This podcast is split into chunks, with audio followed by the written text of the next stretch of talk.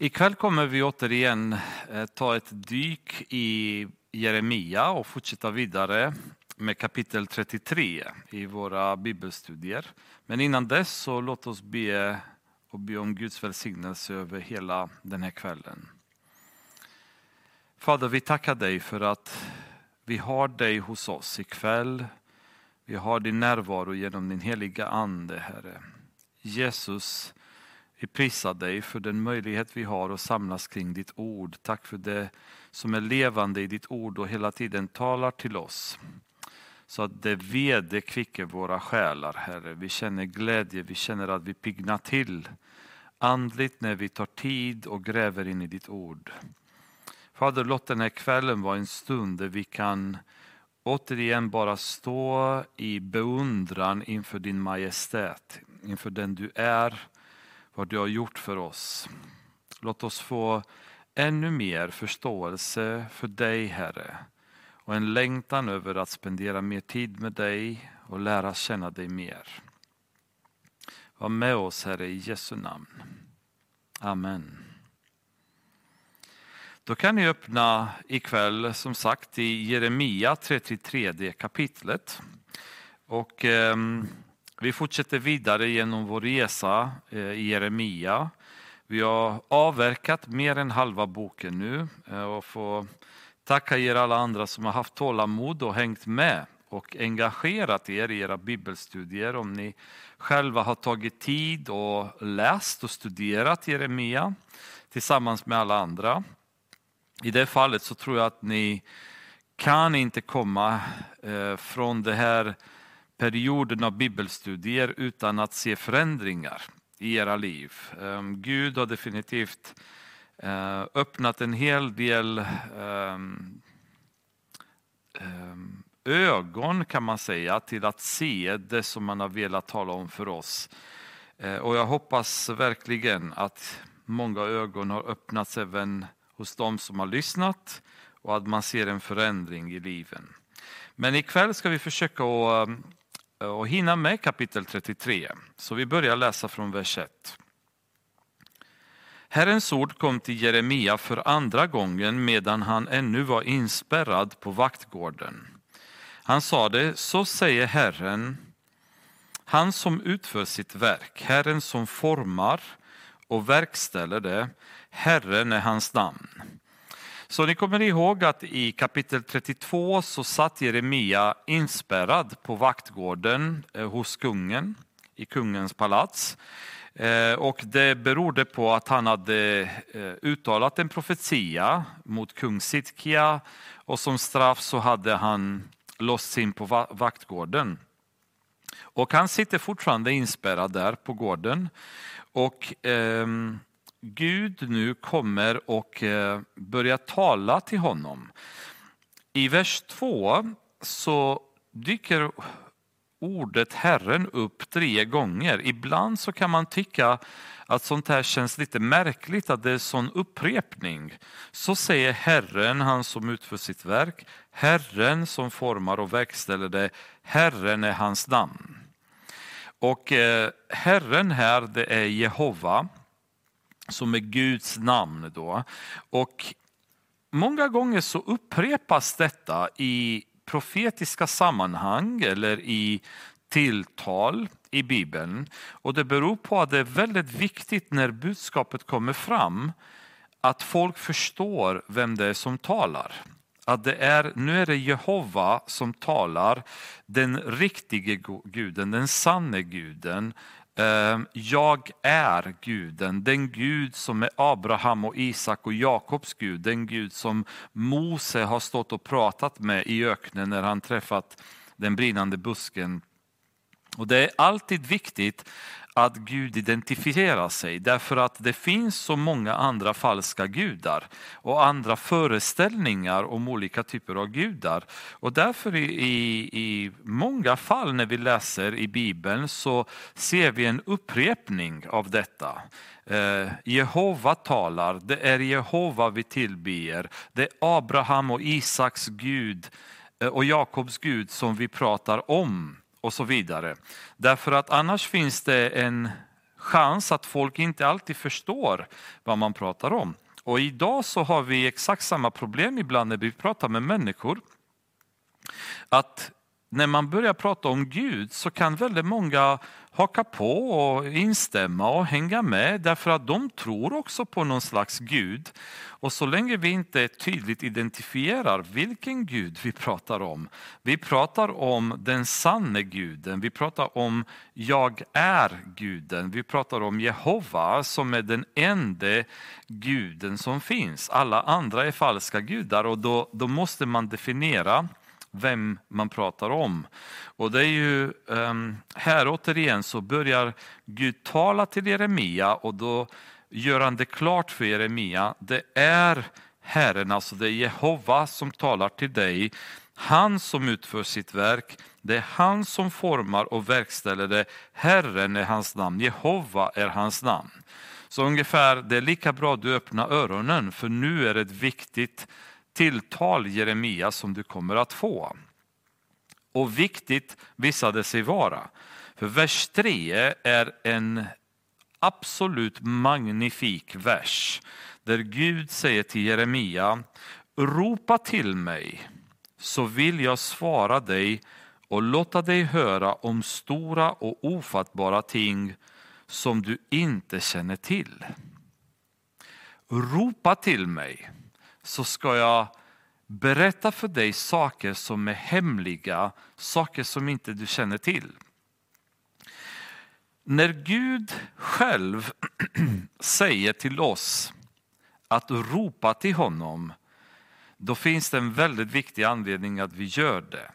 Alltså det är ju så um, häftigt att Gud i stort sett säger till Jeremia, ropa till mig.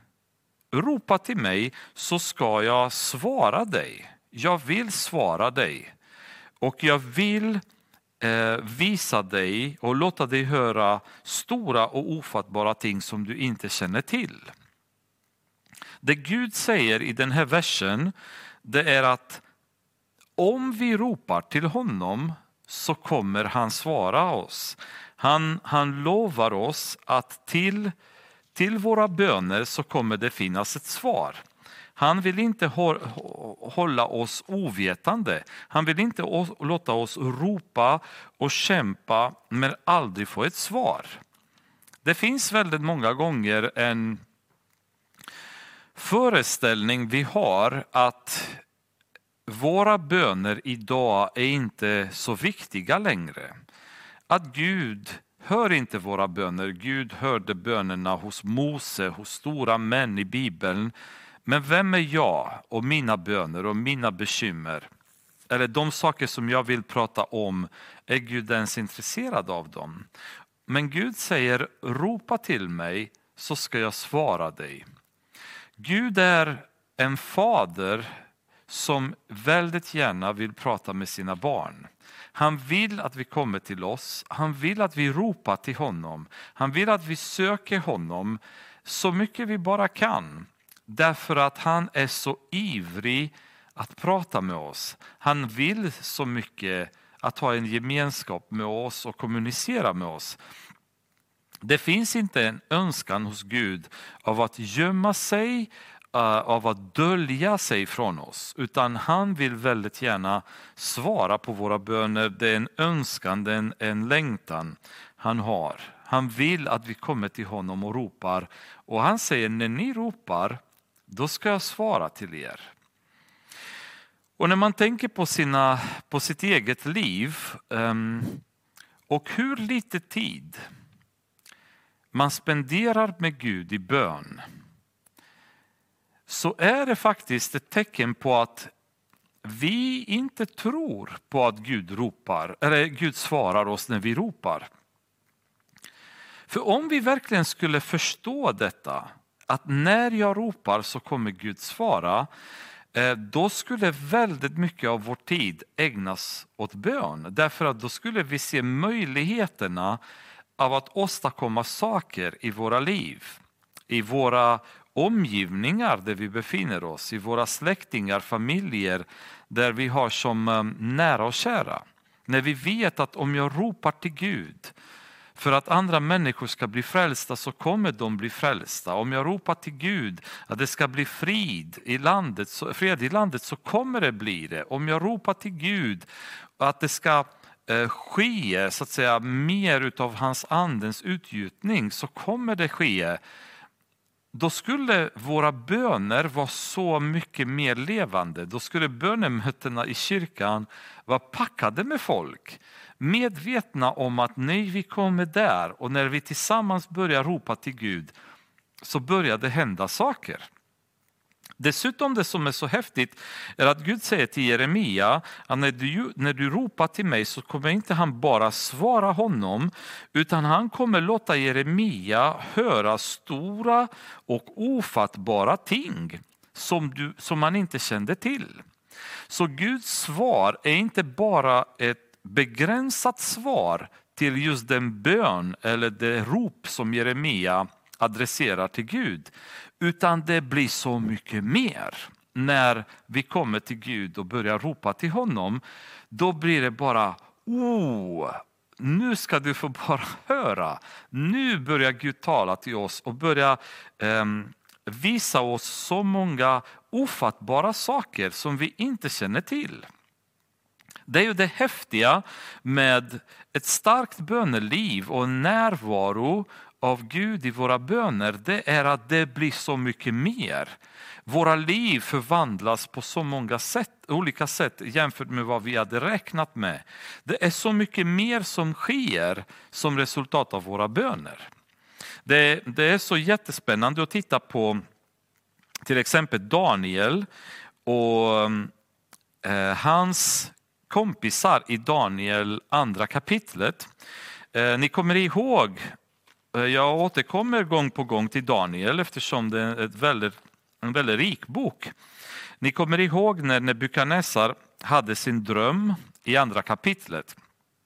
Och han han ville att eh, folk skulle berätta för honom vad han hade drömt om och så tolka drömmen för honom. Och förstås ingen klarade av och då hotade han med att han kommer döda alla siarna och profeterna och alla i landet som sysslade just med detta, drömtidarna och så vidare. Om de inte klarar av att göra detta, berätta för honom vad han hade drömt och vad drömmen handlade om. Och Daniel går hem och eh, i kapitel 2, vers 17 så står det så här. Sedan gick Daniel hem och talade om för sina vänner Hanania, Mishael och Hasaria som höll, vad som höll på att hända. Han uppmanade dem att be himmelens Gud om förbarmande så att denna hemlighet blev uppenbarad för att Daniel och hans vänner inte skulle dödas tillsammans med de övriga vise i Babel. Vers 19 är det häftiga. Då uppenbarades hemligheten för Daniel i en syn om natten. Daniel han hör Nebukadnessar bli vansinnig och vresig han kommer hem till sina kompisar och säger låt oss be till Gud. Med andra ord, låt oss ropa till Gud tillsammans. Också styrkan i att tillsammans kunna be är värdefull för oss kristna. Att inte alltid be ensam utan att få stöd av andra bröder och systrar i församlingen. Och Daniel går och vännerna tillsammans börjar be till Gud och då uppenbaras hemligheten. Vad säger Gud just i Jeremia om det? Han säger exakt samma. Jag ska låta dig höra stora och ofattbara ting som du inte känner till. Jag ska göra, låta dig höra hemligheter, eh, Jeremia.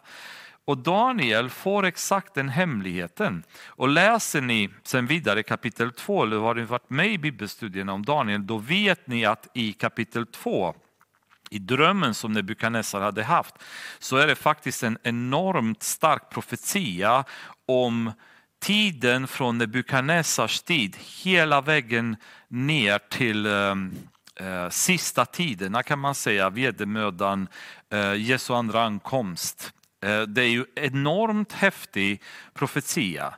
Men inte visste Daniel att Gud skulle plötsligt till honom, en ung kille i mer eller mindre tonåren vid den tiden, avslöja en så häftig eh, vision om framtiden och vad som kommer hända på jorden i tusentals år därefter.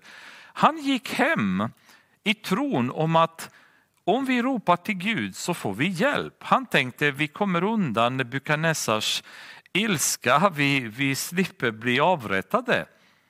Men svaret han får från Gud är så mycket häftigare än han hade bett om. Och vidare om vi tittar på eh, Daniel i kapitel 9. Då gör Daniel samma sak. Han läser just Jeremia. Han inser att det är dags att börja be för att eh, folket ska kunna bli befriade från Babylon. Så han börjar gå och, och, och söka Gud i bön och fasta. Hans syfte var att be för befrielsen av judarna från Babylon. Men Guds svar är så mycket mer. För hela Daniel nionde kapitlet innehåller en av de absolut mest häftigaste profetier i hela bibeln. Där ni som har varit med i Daniel igen har varit med och hört hur det profeterades exakt Eh, datumet när Jesus kommer att komma in i Jerusalem. Alltså enormt häftig profetia som också sträcker sig hela vägen till Jakobs nöd, vedermödan, sista tiderna.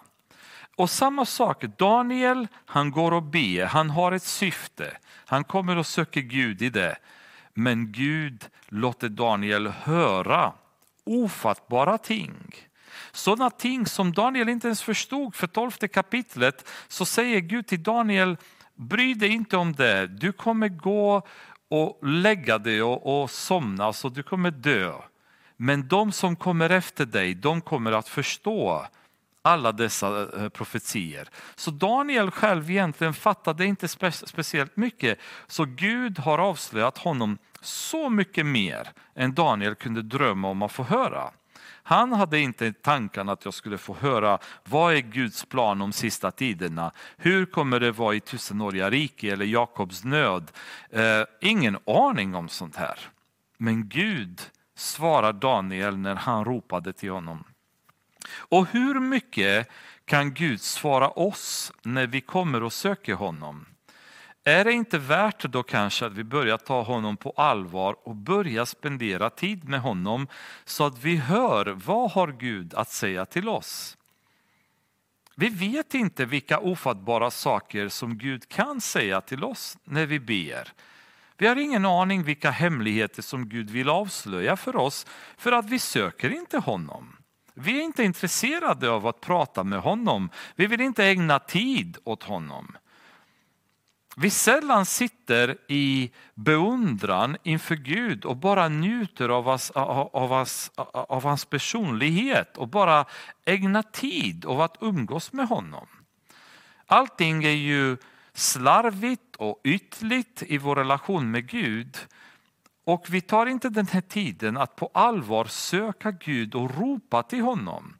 För han lovar att om du ropar så ska jag svara dig. Det är ett löfte som gäller Jeremia, det gäller oss alla andra, att bön ger svar. Bön i tron, bön i heliga anden, det vill säga att vi ber det som är Guds vilja, inte vad jag själv vill, vad jag själv känner för. Jag kan be en massa böner som är ogudaktiga, men att om jag ber det som är i helige andens eh, syfte att jag ska be, då kommer svar. Då kommer en reaktion på min bön. Och det är så mycket som Gud vill tala om för oss om vi bara ropar till honom. Och jag läste det här och jag bara kände, jag undrar hur många häftiga svar som jag har missat i mitt liv, att jag inte sökt Gud, att jag inte ropat till Gud. å andra sidan så finns det situationer i mitt liv när jag har ropat till Gud och jag kan säga att precis som många andra i Bibeln så har jag blivit chockad över de svar som jag har fått. Bara situationer när, man, när jag inte förstod saker i Bibeln och man har läst bibelkommentarer, man har pratat med folk och inte fått några vettiga svar, inte begripit någonting. Och, och då går, man till Gud och börjar be. Gud, hjälp mig förstå detta. Och så plötsligt så får man bara, oh, allting blir så klart. Plötsligt när Gud börjar tala så, så, så fattar man direkt allting. Och det blir bara så häftigt. Guds tal som plötsligt väcker oss till sanning. Det, det, är så enkelt för Gud att tala till oss. Och ibland så söker vi råd, vi springer till höger, till vänster, vi läser böcker, vi tittar på Youtube, vi letar information överallt. Och sen går man till Gud och ropar man till honom och så bara så kommer ett oerhört häftigt svar från Gud. Och det är jättespännande och det är en förhoppning jag har verkligen att efter ikväll så att vi förstår vikten av att ropa till Gud därför att det är så många häftiga saker som Gud vill berätta för oss. Han, han brinner av längtan av att dela med oss av hans häftiga plan. Och vi har ingen aning vad det kan vara. Det kan vara oerhörda saker som Gud vill gärna dela med oss. För vi är ju viktiga i hans ögon, vi är hans barn. Vi är inte bara en oviktig person i stöpen eller var vi än sitter när vi läser på detta. Vi är en viktig person för Gud, vi är hans barn. När vi går till honom och ropar till honom, då är hans armar öppna för att ta emot oss. Och då finns det saker som han vill berätta för oss oerhört spännande vers som jag känner att, återigen, om vi verkligen, verkligen uppfattade vikten av den här versen, då skulle vi slåss med varandra för att komma till bönemötena. Därför att då skulle vi inte vilja gå miste om vad Gud kan tala om för oss när vi samlas tillsammans och ber. Um, hur mycket vi missar för att vi inte umgås med Gud. Vi tar tid för så mycket annat och så lite för Gud. Och jag tror att vi missar väldigt mycket på grund av det.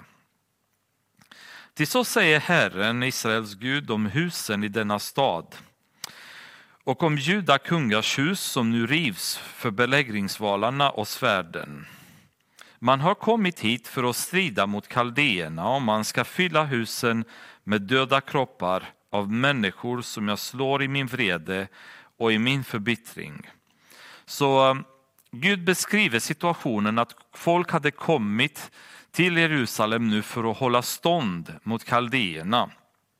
Samtidigt som husen utanför är ju redan förstörda. Kaldéerna själva använder materialet till att bygga beläggningsvallar mot, mot staden. Och Gud säger, ni har kommit hit för att slåss mot kaldéerna, men era hus här inne i staden kommer fyllas med döda kroppar.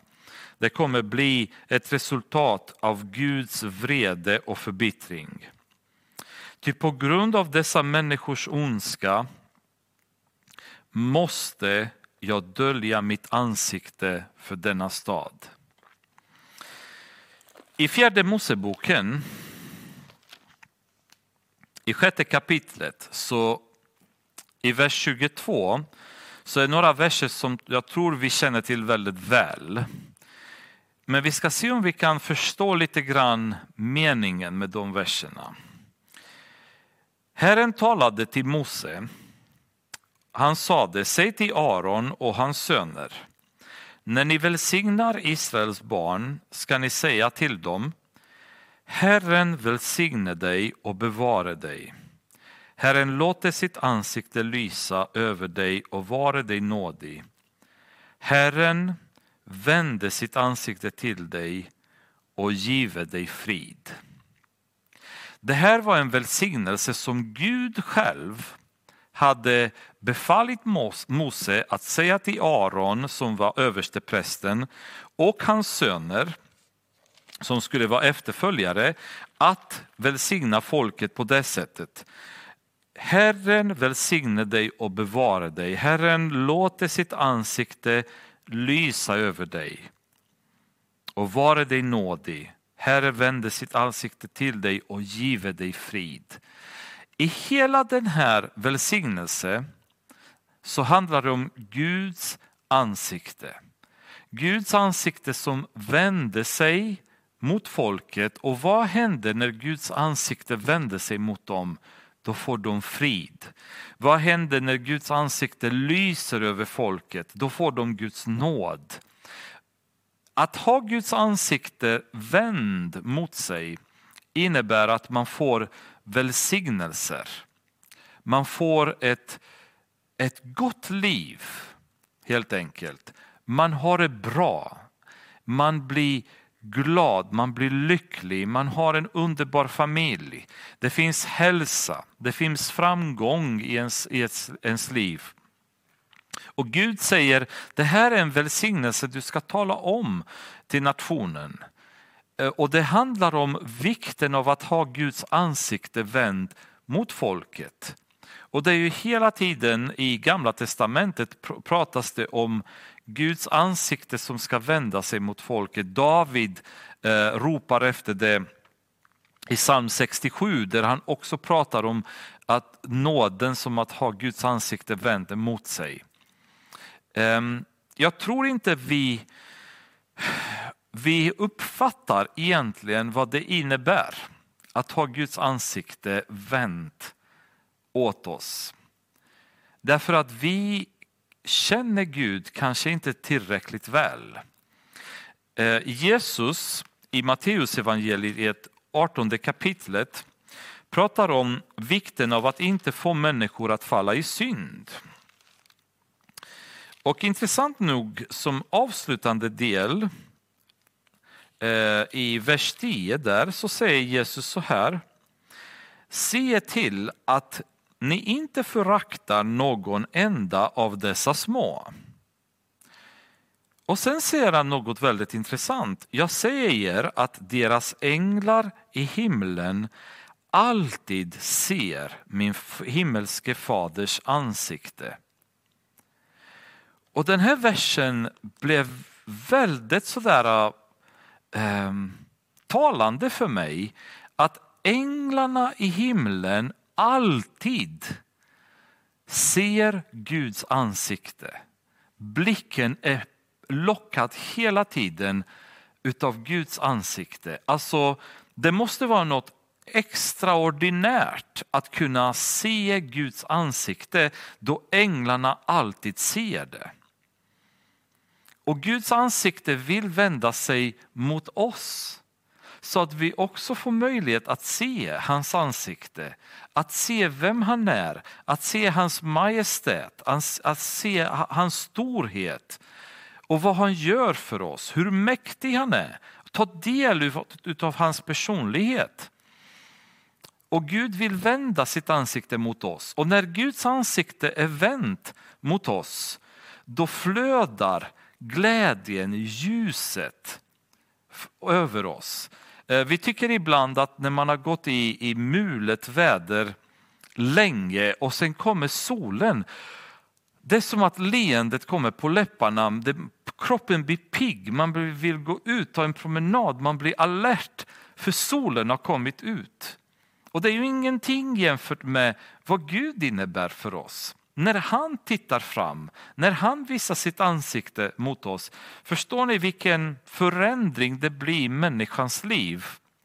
När Gud vänder sitt ansikte och tittar på den människan, då börjar hela ens liv förvandlas. Det blir oron är borta, det ersätts av frid. Eh, okunskapen ersätts av kunskap. Sjukdom ersätts av hälsa. Eh, besvikelse ersätts av hopp. Alltså allting förändras från mörkt, från grått, från bedrövligt till det motsatta. När Guds ansikte lyser över folket. Och i det här fallet så säger Gud, till på grund av dessa människors ondska måste jag dölja mitt ansikte för denna stad. Den här välsignelsen som Aron skulle uttrycka över Israel är borta. Guds ansikte lyser inte över, över staden. Guds ansikte är inte vänt längre mot staden, mot folket. Och vad hände som resultat av det? Döda kroppar fyller husen, slagna på grund av Guds vrede. Resultatet av att ha Gud vända sitt ansikte ifrån oss, det är att eländet kommer direkt och, och tar plats i våra liv. Då är vi eh, förstörda, besvikna, allting går emot oss, allting misslyckas. Vi upplever oro i våra liv, nattsömnen existerar inte längre. Glädje ersätts av smärta och allting förändras i våra liv när Guds ansikte vänder sig ifrån oss. Det betyder inte att lidande inte finns i kristnas liv, men så länge Guds ansikte är vänt mot oss så har vi styrka att kunna ta oss igenom lidande. Och ni förstår i så fall varför Jesus ropade så förtvivlat på korset. Herre, Herre, varför har du övergivit mig? För när han stod där så var han första gången när hans far fick vända sitt ansikte ifrån honom på grund av all världens synd som låg på honom. Ni förstår Jesus desperation som alltid har funnits tillsammans med Gud. Och, och Gud har funnits som en del av Jesus. Eh, Gud var Jesus och plötsligt så står Jesus på korset och hela himmelens frid och glädjen och ljuset och allting blir plötsligt borta. Och då ropar Jesus varför? Därför att människans synd var så, så stor så Gud själv var tvungen att vända bort sitt ansikte under en viss stund där. Väldigt tragisk upplevelse och det måste ha känts fruktansvärt jobbigt för Jesus att uppleva detta och se att Fadern vände bort sitt ansikte på grund av våra synder som låg på Jesus. Se, jag skall hela deras sår och skaffa läkedom och bota dem. Och jag ska låta dem se frid och trofasthet i överflöd. Så efter hela den här perioden av elände då säger Herren igen, jag ska läka, jag ska hela deras sår, skaffa läkedom och bota dem. Jag ska låta dem se frid och trofasthet i överflöd. Ni ser, synden är här beskriven som en sjukdom. Och det moderna samhället har gjort för vana numera att beskriva synd faktiskt som, som sjukdom. Um, det vill säga en alkoholist är inte en syndare längre utan en alkoholist egentligen har en sjukdom och han behöver läkemedel och behandling. Um, en missbrukare är egentligen en sjuk person, säger moderna um, människan numera. Och man kan ty tycka att Bibeln håller med om det när man beskriver detta som en sjukdom som behöver läkedom och behöver botas. Och det är ju så att synden är en sjukdom, dock så finns det inget läkemedel för synd annars än Jesus Kristus. Ingenting annat som kan bota synden än tron på Jesus. Och det, det finns ingen annan möjlighet att komma ifrån ett syndigt liv utan att vända sig, bekänna sina synder och ta emot Jesus i sitt liv. Så i den bemärkelsen kan man säga att synden är en sjukdom men botemedlet är Jesus. Utanför Jesus så finns det inget hopp, inget läkemedel, ingenting. Och Gud säger nu igen att han ska låta dem se frid och trofasthet i överflöd. Därför att den här gången, ni kommer ihåg i det nya förbundet som Gud kommer göra med Israel, så är förbundet inte längre baserat på deras prestation utan nu är förbundet baserat på Guds löfte. Och då blir det ingen förändring, nu blir det en överflöd av trofasthet som de aldrig har sett tidigare själva. Jag ska göra slut på fångenskapen för Juda och Israel och bygga upp dem som de var tidigare. Jag ska rena dem från all den missgärning de har begått mot mig och förlåta dem alla deras missgärningar genom vilka de har syndat mot mig och avfallit från mig. Staden ska bli mig till berömmelse, glädje, pris och ära inför alla jordens hedna folk när de får höra allt det goda jag gör för dem och de ska förskräckas och darra när de ser allt det goda och all den välgång jag ger den. Så staden kommer nu återigen återupprättas. Först så hade Gud berättat om hur folk kommer bli förskräckta när de kommer se den förödelse som har skapats i Jerusalem. Nu säger han istället så kommer de häpna i princip när de ser det och då kommer de prisa Gud för, för det de kommer se. Så Gud kommer få äran för allt detta. Ehm, så säger Herren än en gång ska man på denna plats, som ni säger vara öde, utan vare sig människor eller djur här i Judas städer och på Jerusalems gator som är tomma på både människor och invånare och djur, ja, här ska man återhöra rop av fröjd och rop av glädje, rop för brudgum och rop för brud och röster av dem som säger tacka Herren Sebaot, till Herren är god och hans nåd varar i evighet och från människor som bär fram gemenskapsoffer i Herrens hus. Så jag ska åter göra slut på landets fångenskap så, de bli, så det blir som det var tidigare, säger Herren. Eh, I tidigare kapitel, i kapitel 7, så berättar Jeremia hur Eh, livet, vi kan läsa det, eh, livet som vi sa, livet så som man kände det skulle ta slut. Kapitel 7, vers 33 och 34. Eh, när han profeterade över den eh, förödelse som kommer att komma så sa han så här detta folks döda kroppar ska man bli mat åt himlens fåglar och markens djur och ingen ska skrämma bort dem. I Judas städer och på Jerusalems gator ska jag göra slut på jubelrop och glädjerop, på rop för brudgum och rop för brud. Till landet ska läggas öde och nu säger Herren istället Ja, här ska man återhöra rop av fröjd och rop av glädje, rop för brudgum och rop för brud.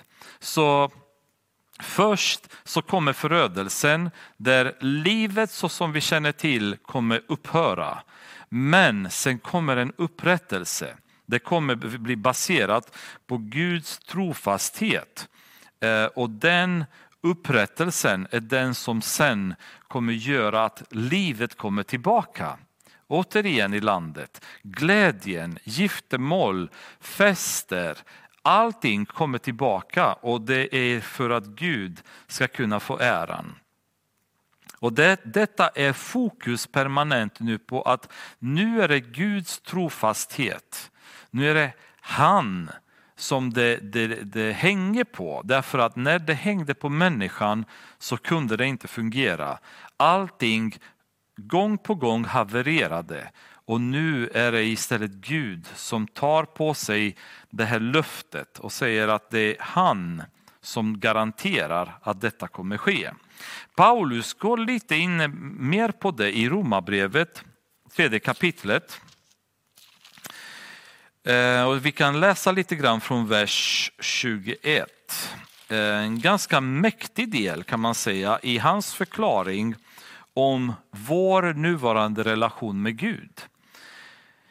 Men nu har utan lagen en rättfärdighet från Gud blivit uppenbarad.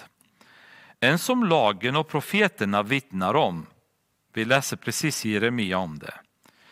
En rättfärdighet från Gud genom tro på Jesus Kristus för alla som tror. Ty här finns det finns ingen skillnad. Alla har syndat och saknar härligheten från Gud och de står som rättfärdiga utan att förtjäna det av hans nåd därför att Kristus, Jesus, har friköpt dem. Det här är en sån otroligt häftig eh, vers som komprimerar hela evangeliets budskap. Allt som Gud har bland annat pratat i Jeremia om det nya förbundet. När vi har inte förtjänat detta. Hade det varit för oss så hade det fortfarande varit ett haveri. Men Gud har bestämt sig att få en annan rättfärdighet som inte är beroende, det hänger inte på oss, utan denna gång är det Jesus som står för den rättfärdigheten. Och det enda vi behöver göra det är tro på honom. Därför att vi alla har syndat. Alla saknar härligheten från Gud. Ingen människa kan klara sig på egen hand. Och hela gamla testamentet är bevis på detta. Hur människan har försökt och har försökt men alltid, alltid misslyckats. På egen hand så finns det inget hopp. Vi kan försöka bli fria från vår synd. Vi kan försöka kämpa så mycket vi bara kan. Men lösningen finns det inte hos oss. Lösningen finns det inte i våra krafter, i vår intelligens, i världens lösningar. Vi kan gå på hur många psykologsamtal vi vill. Vi kan läsa precis hur många böcker vi vill. Vi kan kämpa precis hur mycket vi vill. Synden finns det inget botemedel för. Och Gud vet detta. Och anledningen till att Jesus, alltså hade vi kunnat bli frälsta på egen maskin så skulle Jesus aldrig ha behövt dö för oss. Det faktum att Jesus kom och gick igenom det lidande han har gått igenom hela vägen till korset beror på att det fanns ingen annan möjlighet för mänskligheten att bli frälst än att han tog på sig vår skuld för att vi ska sen bara lätt kunna tro på honom och bli frälsta. Och då är det på hans villkor. Då är det han som Paulus säger i Romarbrevet 3, det är han som har friköpt oss. Ni kommer ihåg, vi har pratat om återlösaren som köper eh, någon och då har han rätt till den marken, personen och så vidare. Jesus har friköpt oss, han har stämplat oss med heliga andens sigill och vi är hans. Och nu är det hans villkor som gäller och inte våra. Jag kan inte ens på egen maskin ta mig ur hans ägarskap därför att det är han som äger mig. Jag kan inte säga men jag vill inte vara din längre. Eh, därför att sigillen finns på mig. Sen förstår inte jag vilken kristen vid sina sinnesfulla bruk skulle säga att man inte vill vara med Jesus eller vill inte tillhöra Jesus. Men även om jag skulle bli sinnesförvirrad och säga att jag, jag, jag, jag vill gå bort, jag vill göra något annat. Jag är Jesus, jag tillhör honom. Jag kanske Eh, försvinner ett tag, jag kanske går och söker mig till världen under en stund. Men hans kärlek, hans, hans eh, önskan av att ha mig den kommer förfölja mig hela tiden. Jag är ju hans. Min rätta plats är hos honom, inte någon annanstans i världen. Så det är en otroligt häftig känsla att veta att man tillhör Jesus. Man är friköpt, man är stämplad med heliga andens sigill och nu väntar vi bara på den dagen när han ska komma och hämta oss. Precis som en handelsman som har handlat någonstans i världen, han stämplar sina varor, skeppet åker iväg och sen kommer det i hamn. Då kommer handelsmannen visa sigillbeviset och säga de, de, de, de, de säckarna är mina då tar jag dem. Vi är på väg mot den här hamnen, vi är på väg mot den tiden då Jesus kommer tillbaka för att friköpa oss, alltså för att hämta oss, återlösa oss helt och hållet så att vi kommer till honom. Just nu tillhör, tillhör vi honom men vi har inte kommit fram än. Det är väldigt häftigt för Gud säger nu att den här trofastheten den kommer att vara i överflöd och hela den här versperioden eh, Eh, visar vad Gud kommer göra då med folket. Så säger Herren Sebaot på denna plats som nu är öde utan vare sig människor eller djur, ja också. I alla andra städer som hör hit ska det på nytt finnas betesmarker där herdar låter sina jordar lägga sig att vila.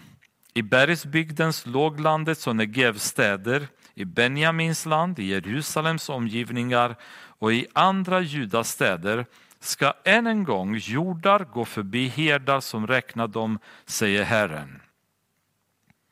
Se, dagar ska komma, säger Herren, då jag skall uppfylla det löfte som jag talat om Israels hus och Judahus.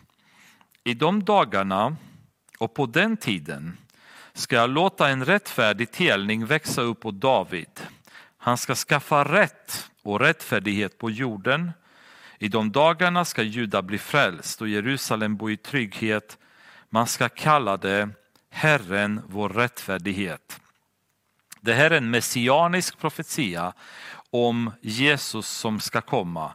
Han ska komma som en telning um, av David och därför Matteus till exempel i början av hans evangelium är väldigt noggrann med att gå hela genealogin tillbaka och visa att Jesus är eh, en telning av David kan man säga och på så vis så är det en uppfyllning av den profetia som Gud hade gett. Det här är bara ett ställe i Bibeln som det pratas om det. Det finns många fler, men eh, fantastiskt bra eh, och detaljerad profetia om Jesu ankomst. Om den tiden när han kommer och det faktum att han kommer vara en telning av David. Han kommer skaffa rätt och rättfärdighet på jorden. I de dagarna skall Juda bli frälst och Jerusalem bo i trygghet. Vi är inte där än. Juda är fortfarande inte frälst och Jerusalem är långt ifrån trygg fortfarande. Så det här är också en profetia som sträcker sig hela vägen till tusenåriga riket då Israel kommer att bli frälst och Jerusalem kommer att bli återupprättad som stad. Och då kallar man här Jerusalem för Herren vår rättfärdighet. Ni kommer ihåg att tidigare så sa de också att Jesus kommer att kallas för Herren vår rättfärdighet. Um, därför att nu är det inte Herren vår frälsning längre, utan frälsningen är uppnådd. Nu lever man i rättfärdighet under Jesu styre och han kommer styra världen med en järnspira som det står i Uppenbarelseboken andra kapitel vers 27. Två, eh, uh, 27 ja, där det står att han kommer styra med en järnspira därför att han kommer vara rättvis. Så han kommer behöva straffa vissa människor, välsigna och, och, och um, hjälpa andra människor. Men han kommer vara rättvis mot folk på jorden. Så som jorden skulle ha varit från början kommer det vara då. Så en, en fin messianisk profetia mitt i alltihop. Till så säger Herren, David ska aldrig sakna någon som sitter på tronen i Israels hus och de levitiska prästerna ska inte sakna någon som varje dag inför mig bär fram brännoffer och förbränner matoffer och offrar slaktoffer. Herrens ord kom till Jeremia. Han sade, så säger Herren, om ni kan bryta mitt förbund med dagen och mitt förbund med natten så att det inte blir dag och natt i rätt tid. Då skall också mitt förbund brytas med min tjänare David så att han inte får någon som regerar på hans tron. Likaså mitt förbund med de levitiska prästerna som är mina tjänare. Så Gud säger att om, om ni människor klarar av att ändra på dag och natt och på tiden då ska också mitt förbund ändras. Det vill säga, det finns inte en chans. Utan det här kommer stanna så här för evigt. Det här är ett förbund som Gud kommer säga oavsett vad som kommer att hända. Det är det som gäller. Ingen förändring kommer ske. Lika oräknelig som himlens härskara är och lika omättbar som sanden är i havet, lika talrik ska jag låta min tjänare Davids efterkommande bli och lika många leviterna som står i min tjänst. En upprepning av det löfte bland annat som gavs till Abraham när han kallades. Att lika många som sanden på, eh, vid havet är och lika mycket som himlens härskara, så många kommer hans folk bli. Och det är fortfarande det som gäller. Det, ni ser hur Gud är densamme alltid. De här löftena de blir detsamma. De förändras inte bara för att det gått eh, tusen år drygt emellan eller så, utan det är fortfarande samma sak som gäller. Herrens ord kom till Jeremia. Han sade, har du inte märkt vad detta folk säger? De båda släkter som Herren utvalde dem har han förkastat. De föraktar mitt folk och anser dem inte längre vara ett folk. Det Gud säger till Jeremia här det är att människor, kanske en del av dem judar, kanske icke-judar, det är inte klart specificerat. De har kommit till slutsatsen att Gud har förkastat sitt folk. Och därför så föraktar de folket på grund av det. Och det här är ju någonting som har tyvärr genom historien eh, förstärkts väldigt mycket utav så kallade kristna, alltså katolska kyrkan bland annat under en lång period och även idag. Väldigt många kristna i världen är av den åsikt att, att Israel är inte Guds folk längre. Gud har förkastat dem.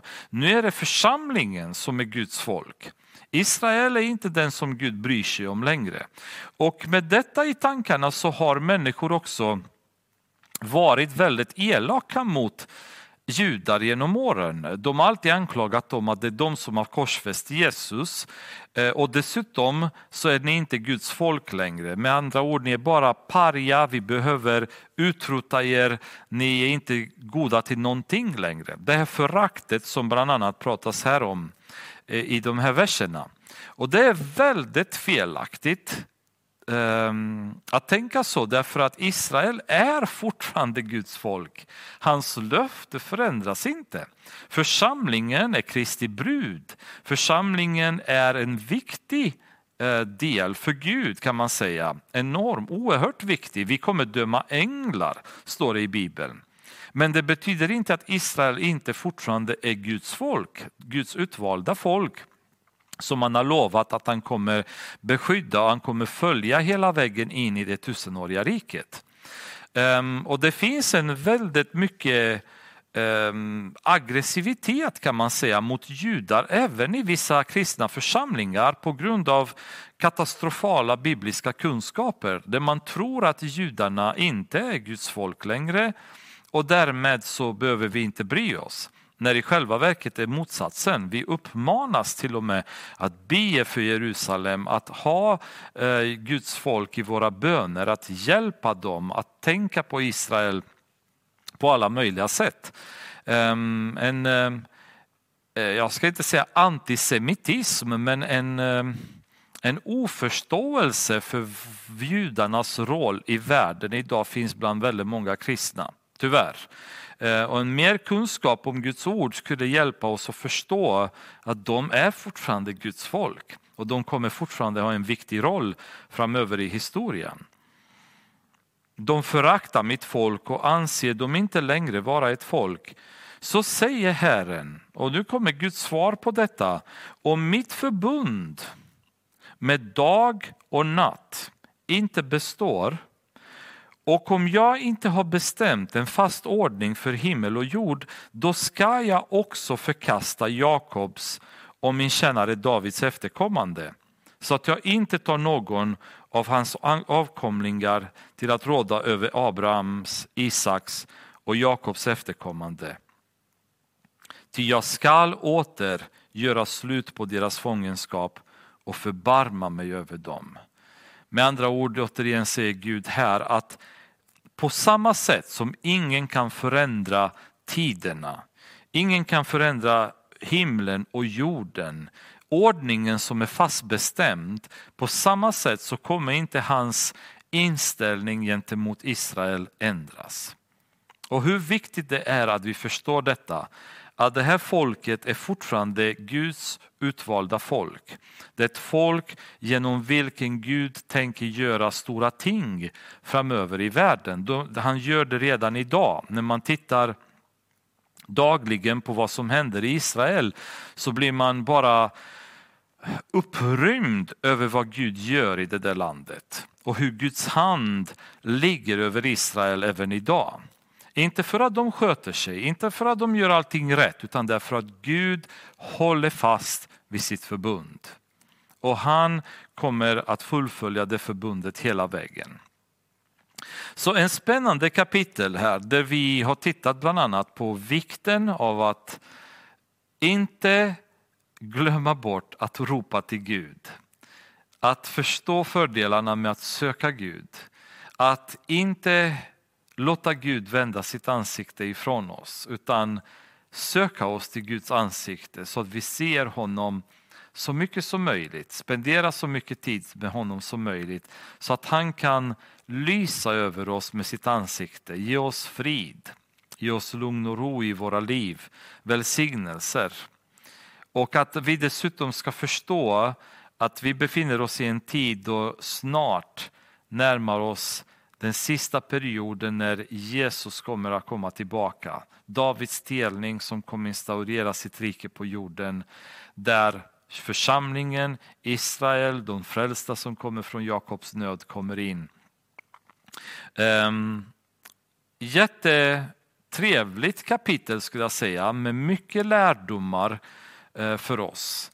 Och uh, jag hoppas att många blir välsignade av det att ni kan ta med er någonting som ni kan sen vidare gräva fram mer i Guds ord kring.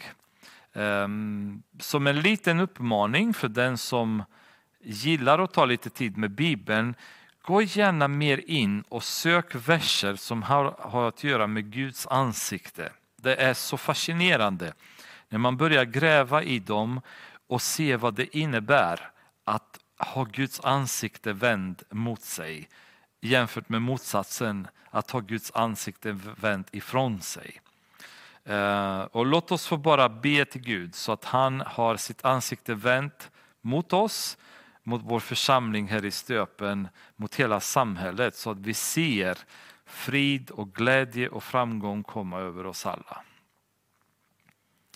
Det är vår bön Fader ikväll att ditt ansikte ska vända sig mot oss, lysa över oss och giva oss frid, Herre. Jag tackar dig Fader att du verkligen prioriterar oss i dina tankar, att du vill att vi ropar till dig. Du vill gärna ge oss svar som är häftiga, som vi inte har hört.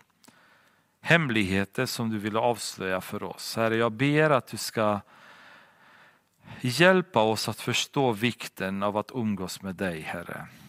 Det är för mycket i det här livet som tar tid från oss. För mycket tankeverksamhet som går åt världsliga saker. Och jag ber Herre att du ska få bort de här tankarna mer och mer. Att du ska rena våra hjärtan och stilla våra sinnen Herre så att vi kan komma närmare inför dig, börja ropa oftare till dig Herre. Det känns många gånger att när vi befinner oss i nöd, då ropar vi till dig och då får vi också ofattbara svar, Herre. Men låt oss få ropa till dig dagligen när vi är glada, när saker går väl för oss. Att ändå ropa till dig, att ändå söka dig, Herre, och ändå vilja umgås med dig. Välja dig framför allt annat. Så att vi kan se mer av dig i våra liv, Herre. I Jesu namn. Amen.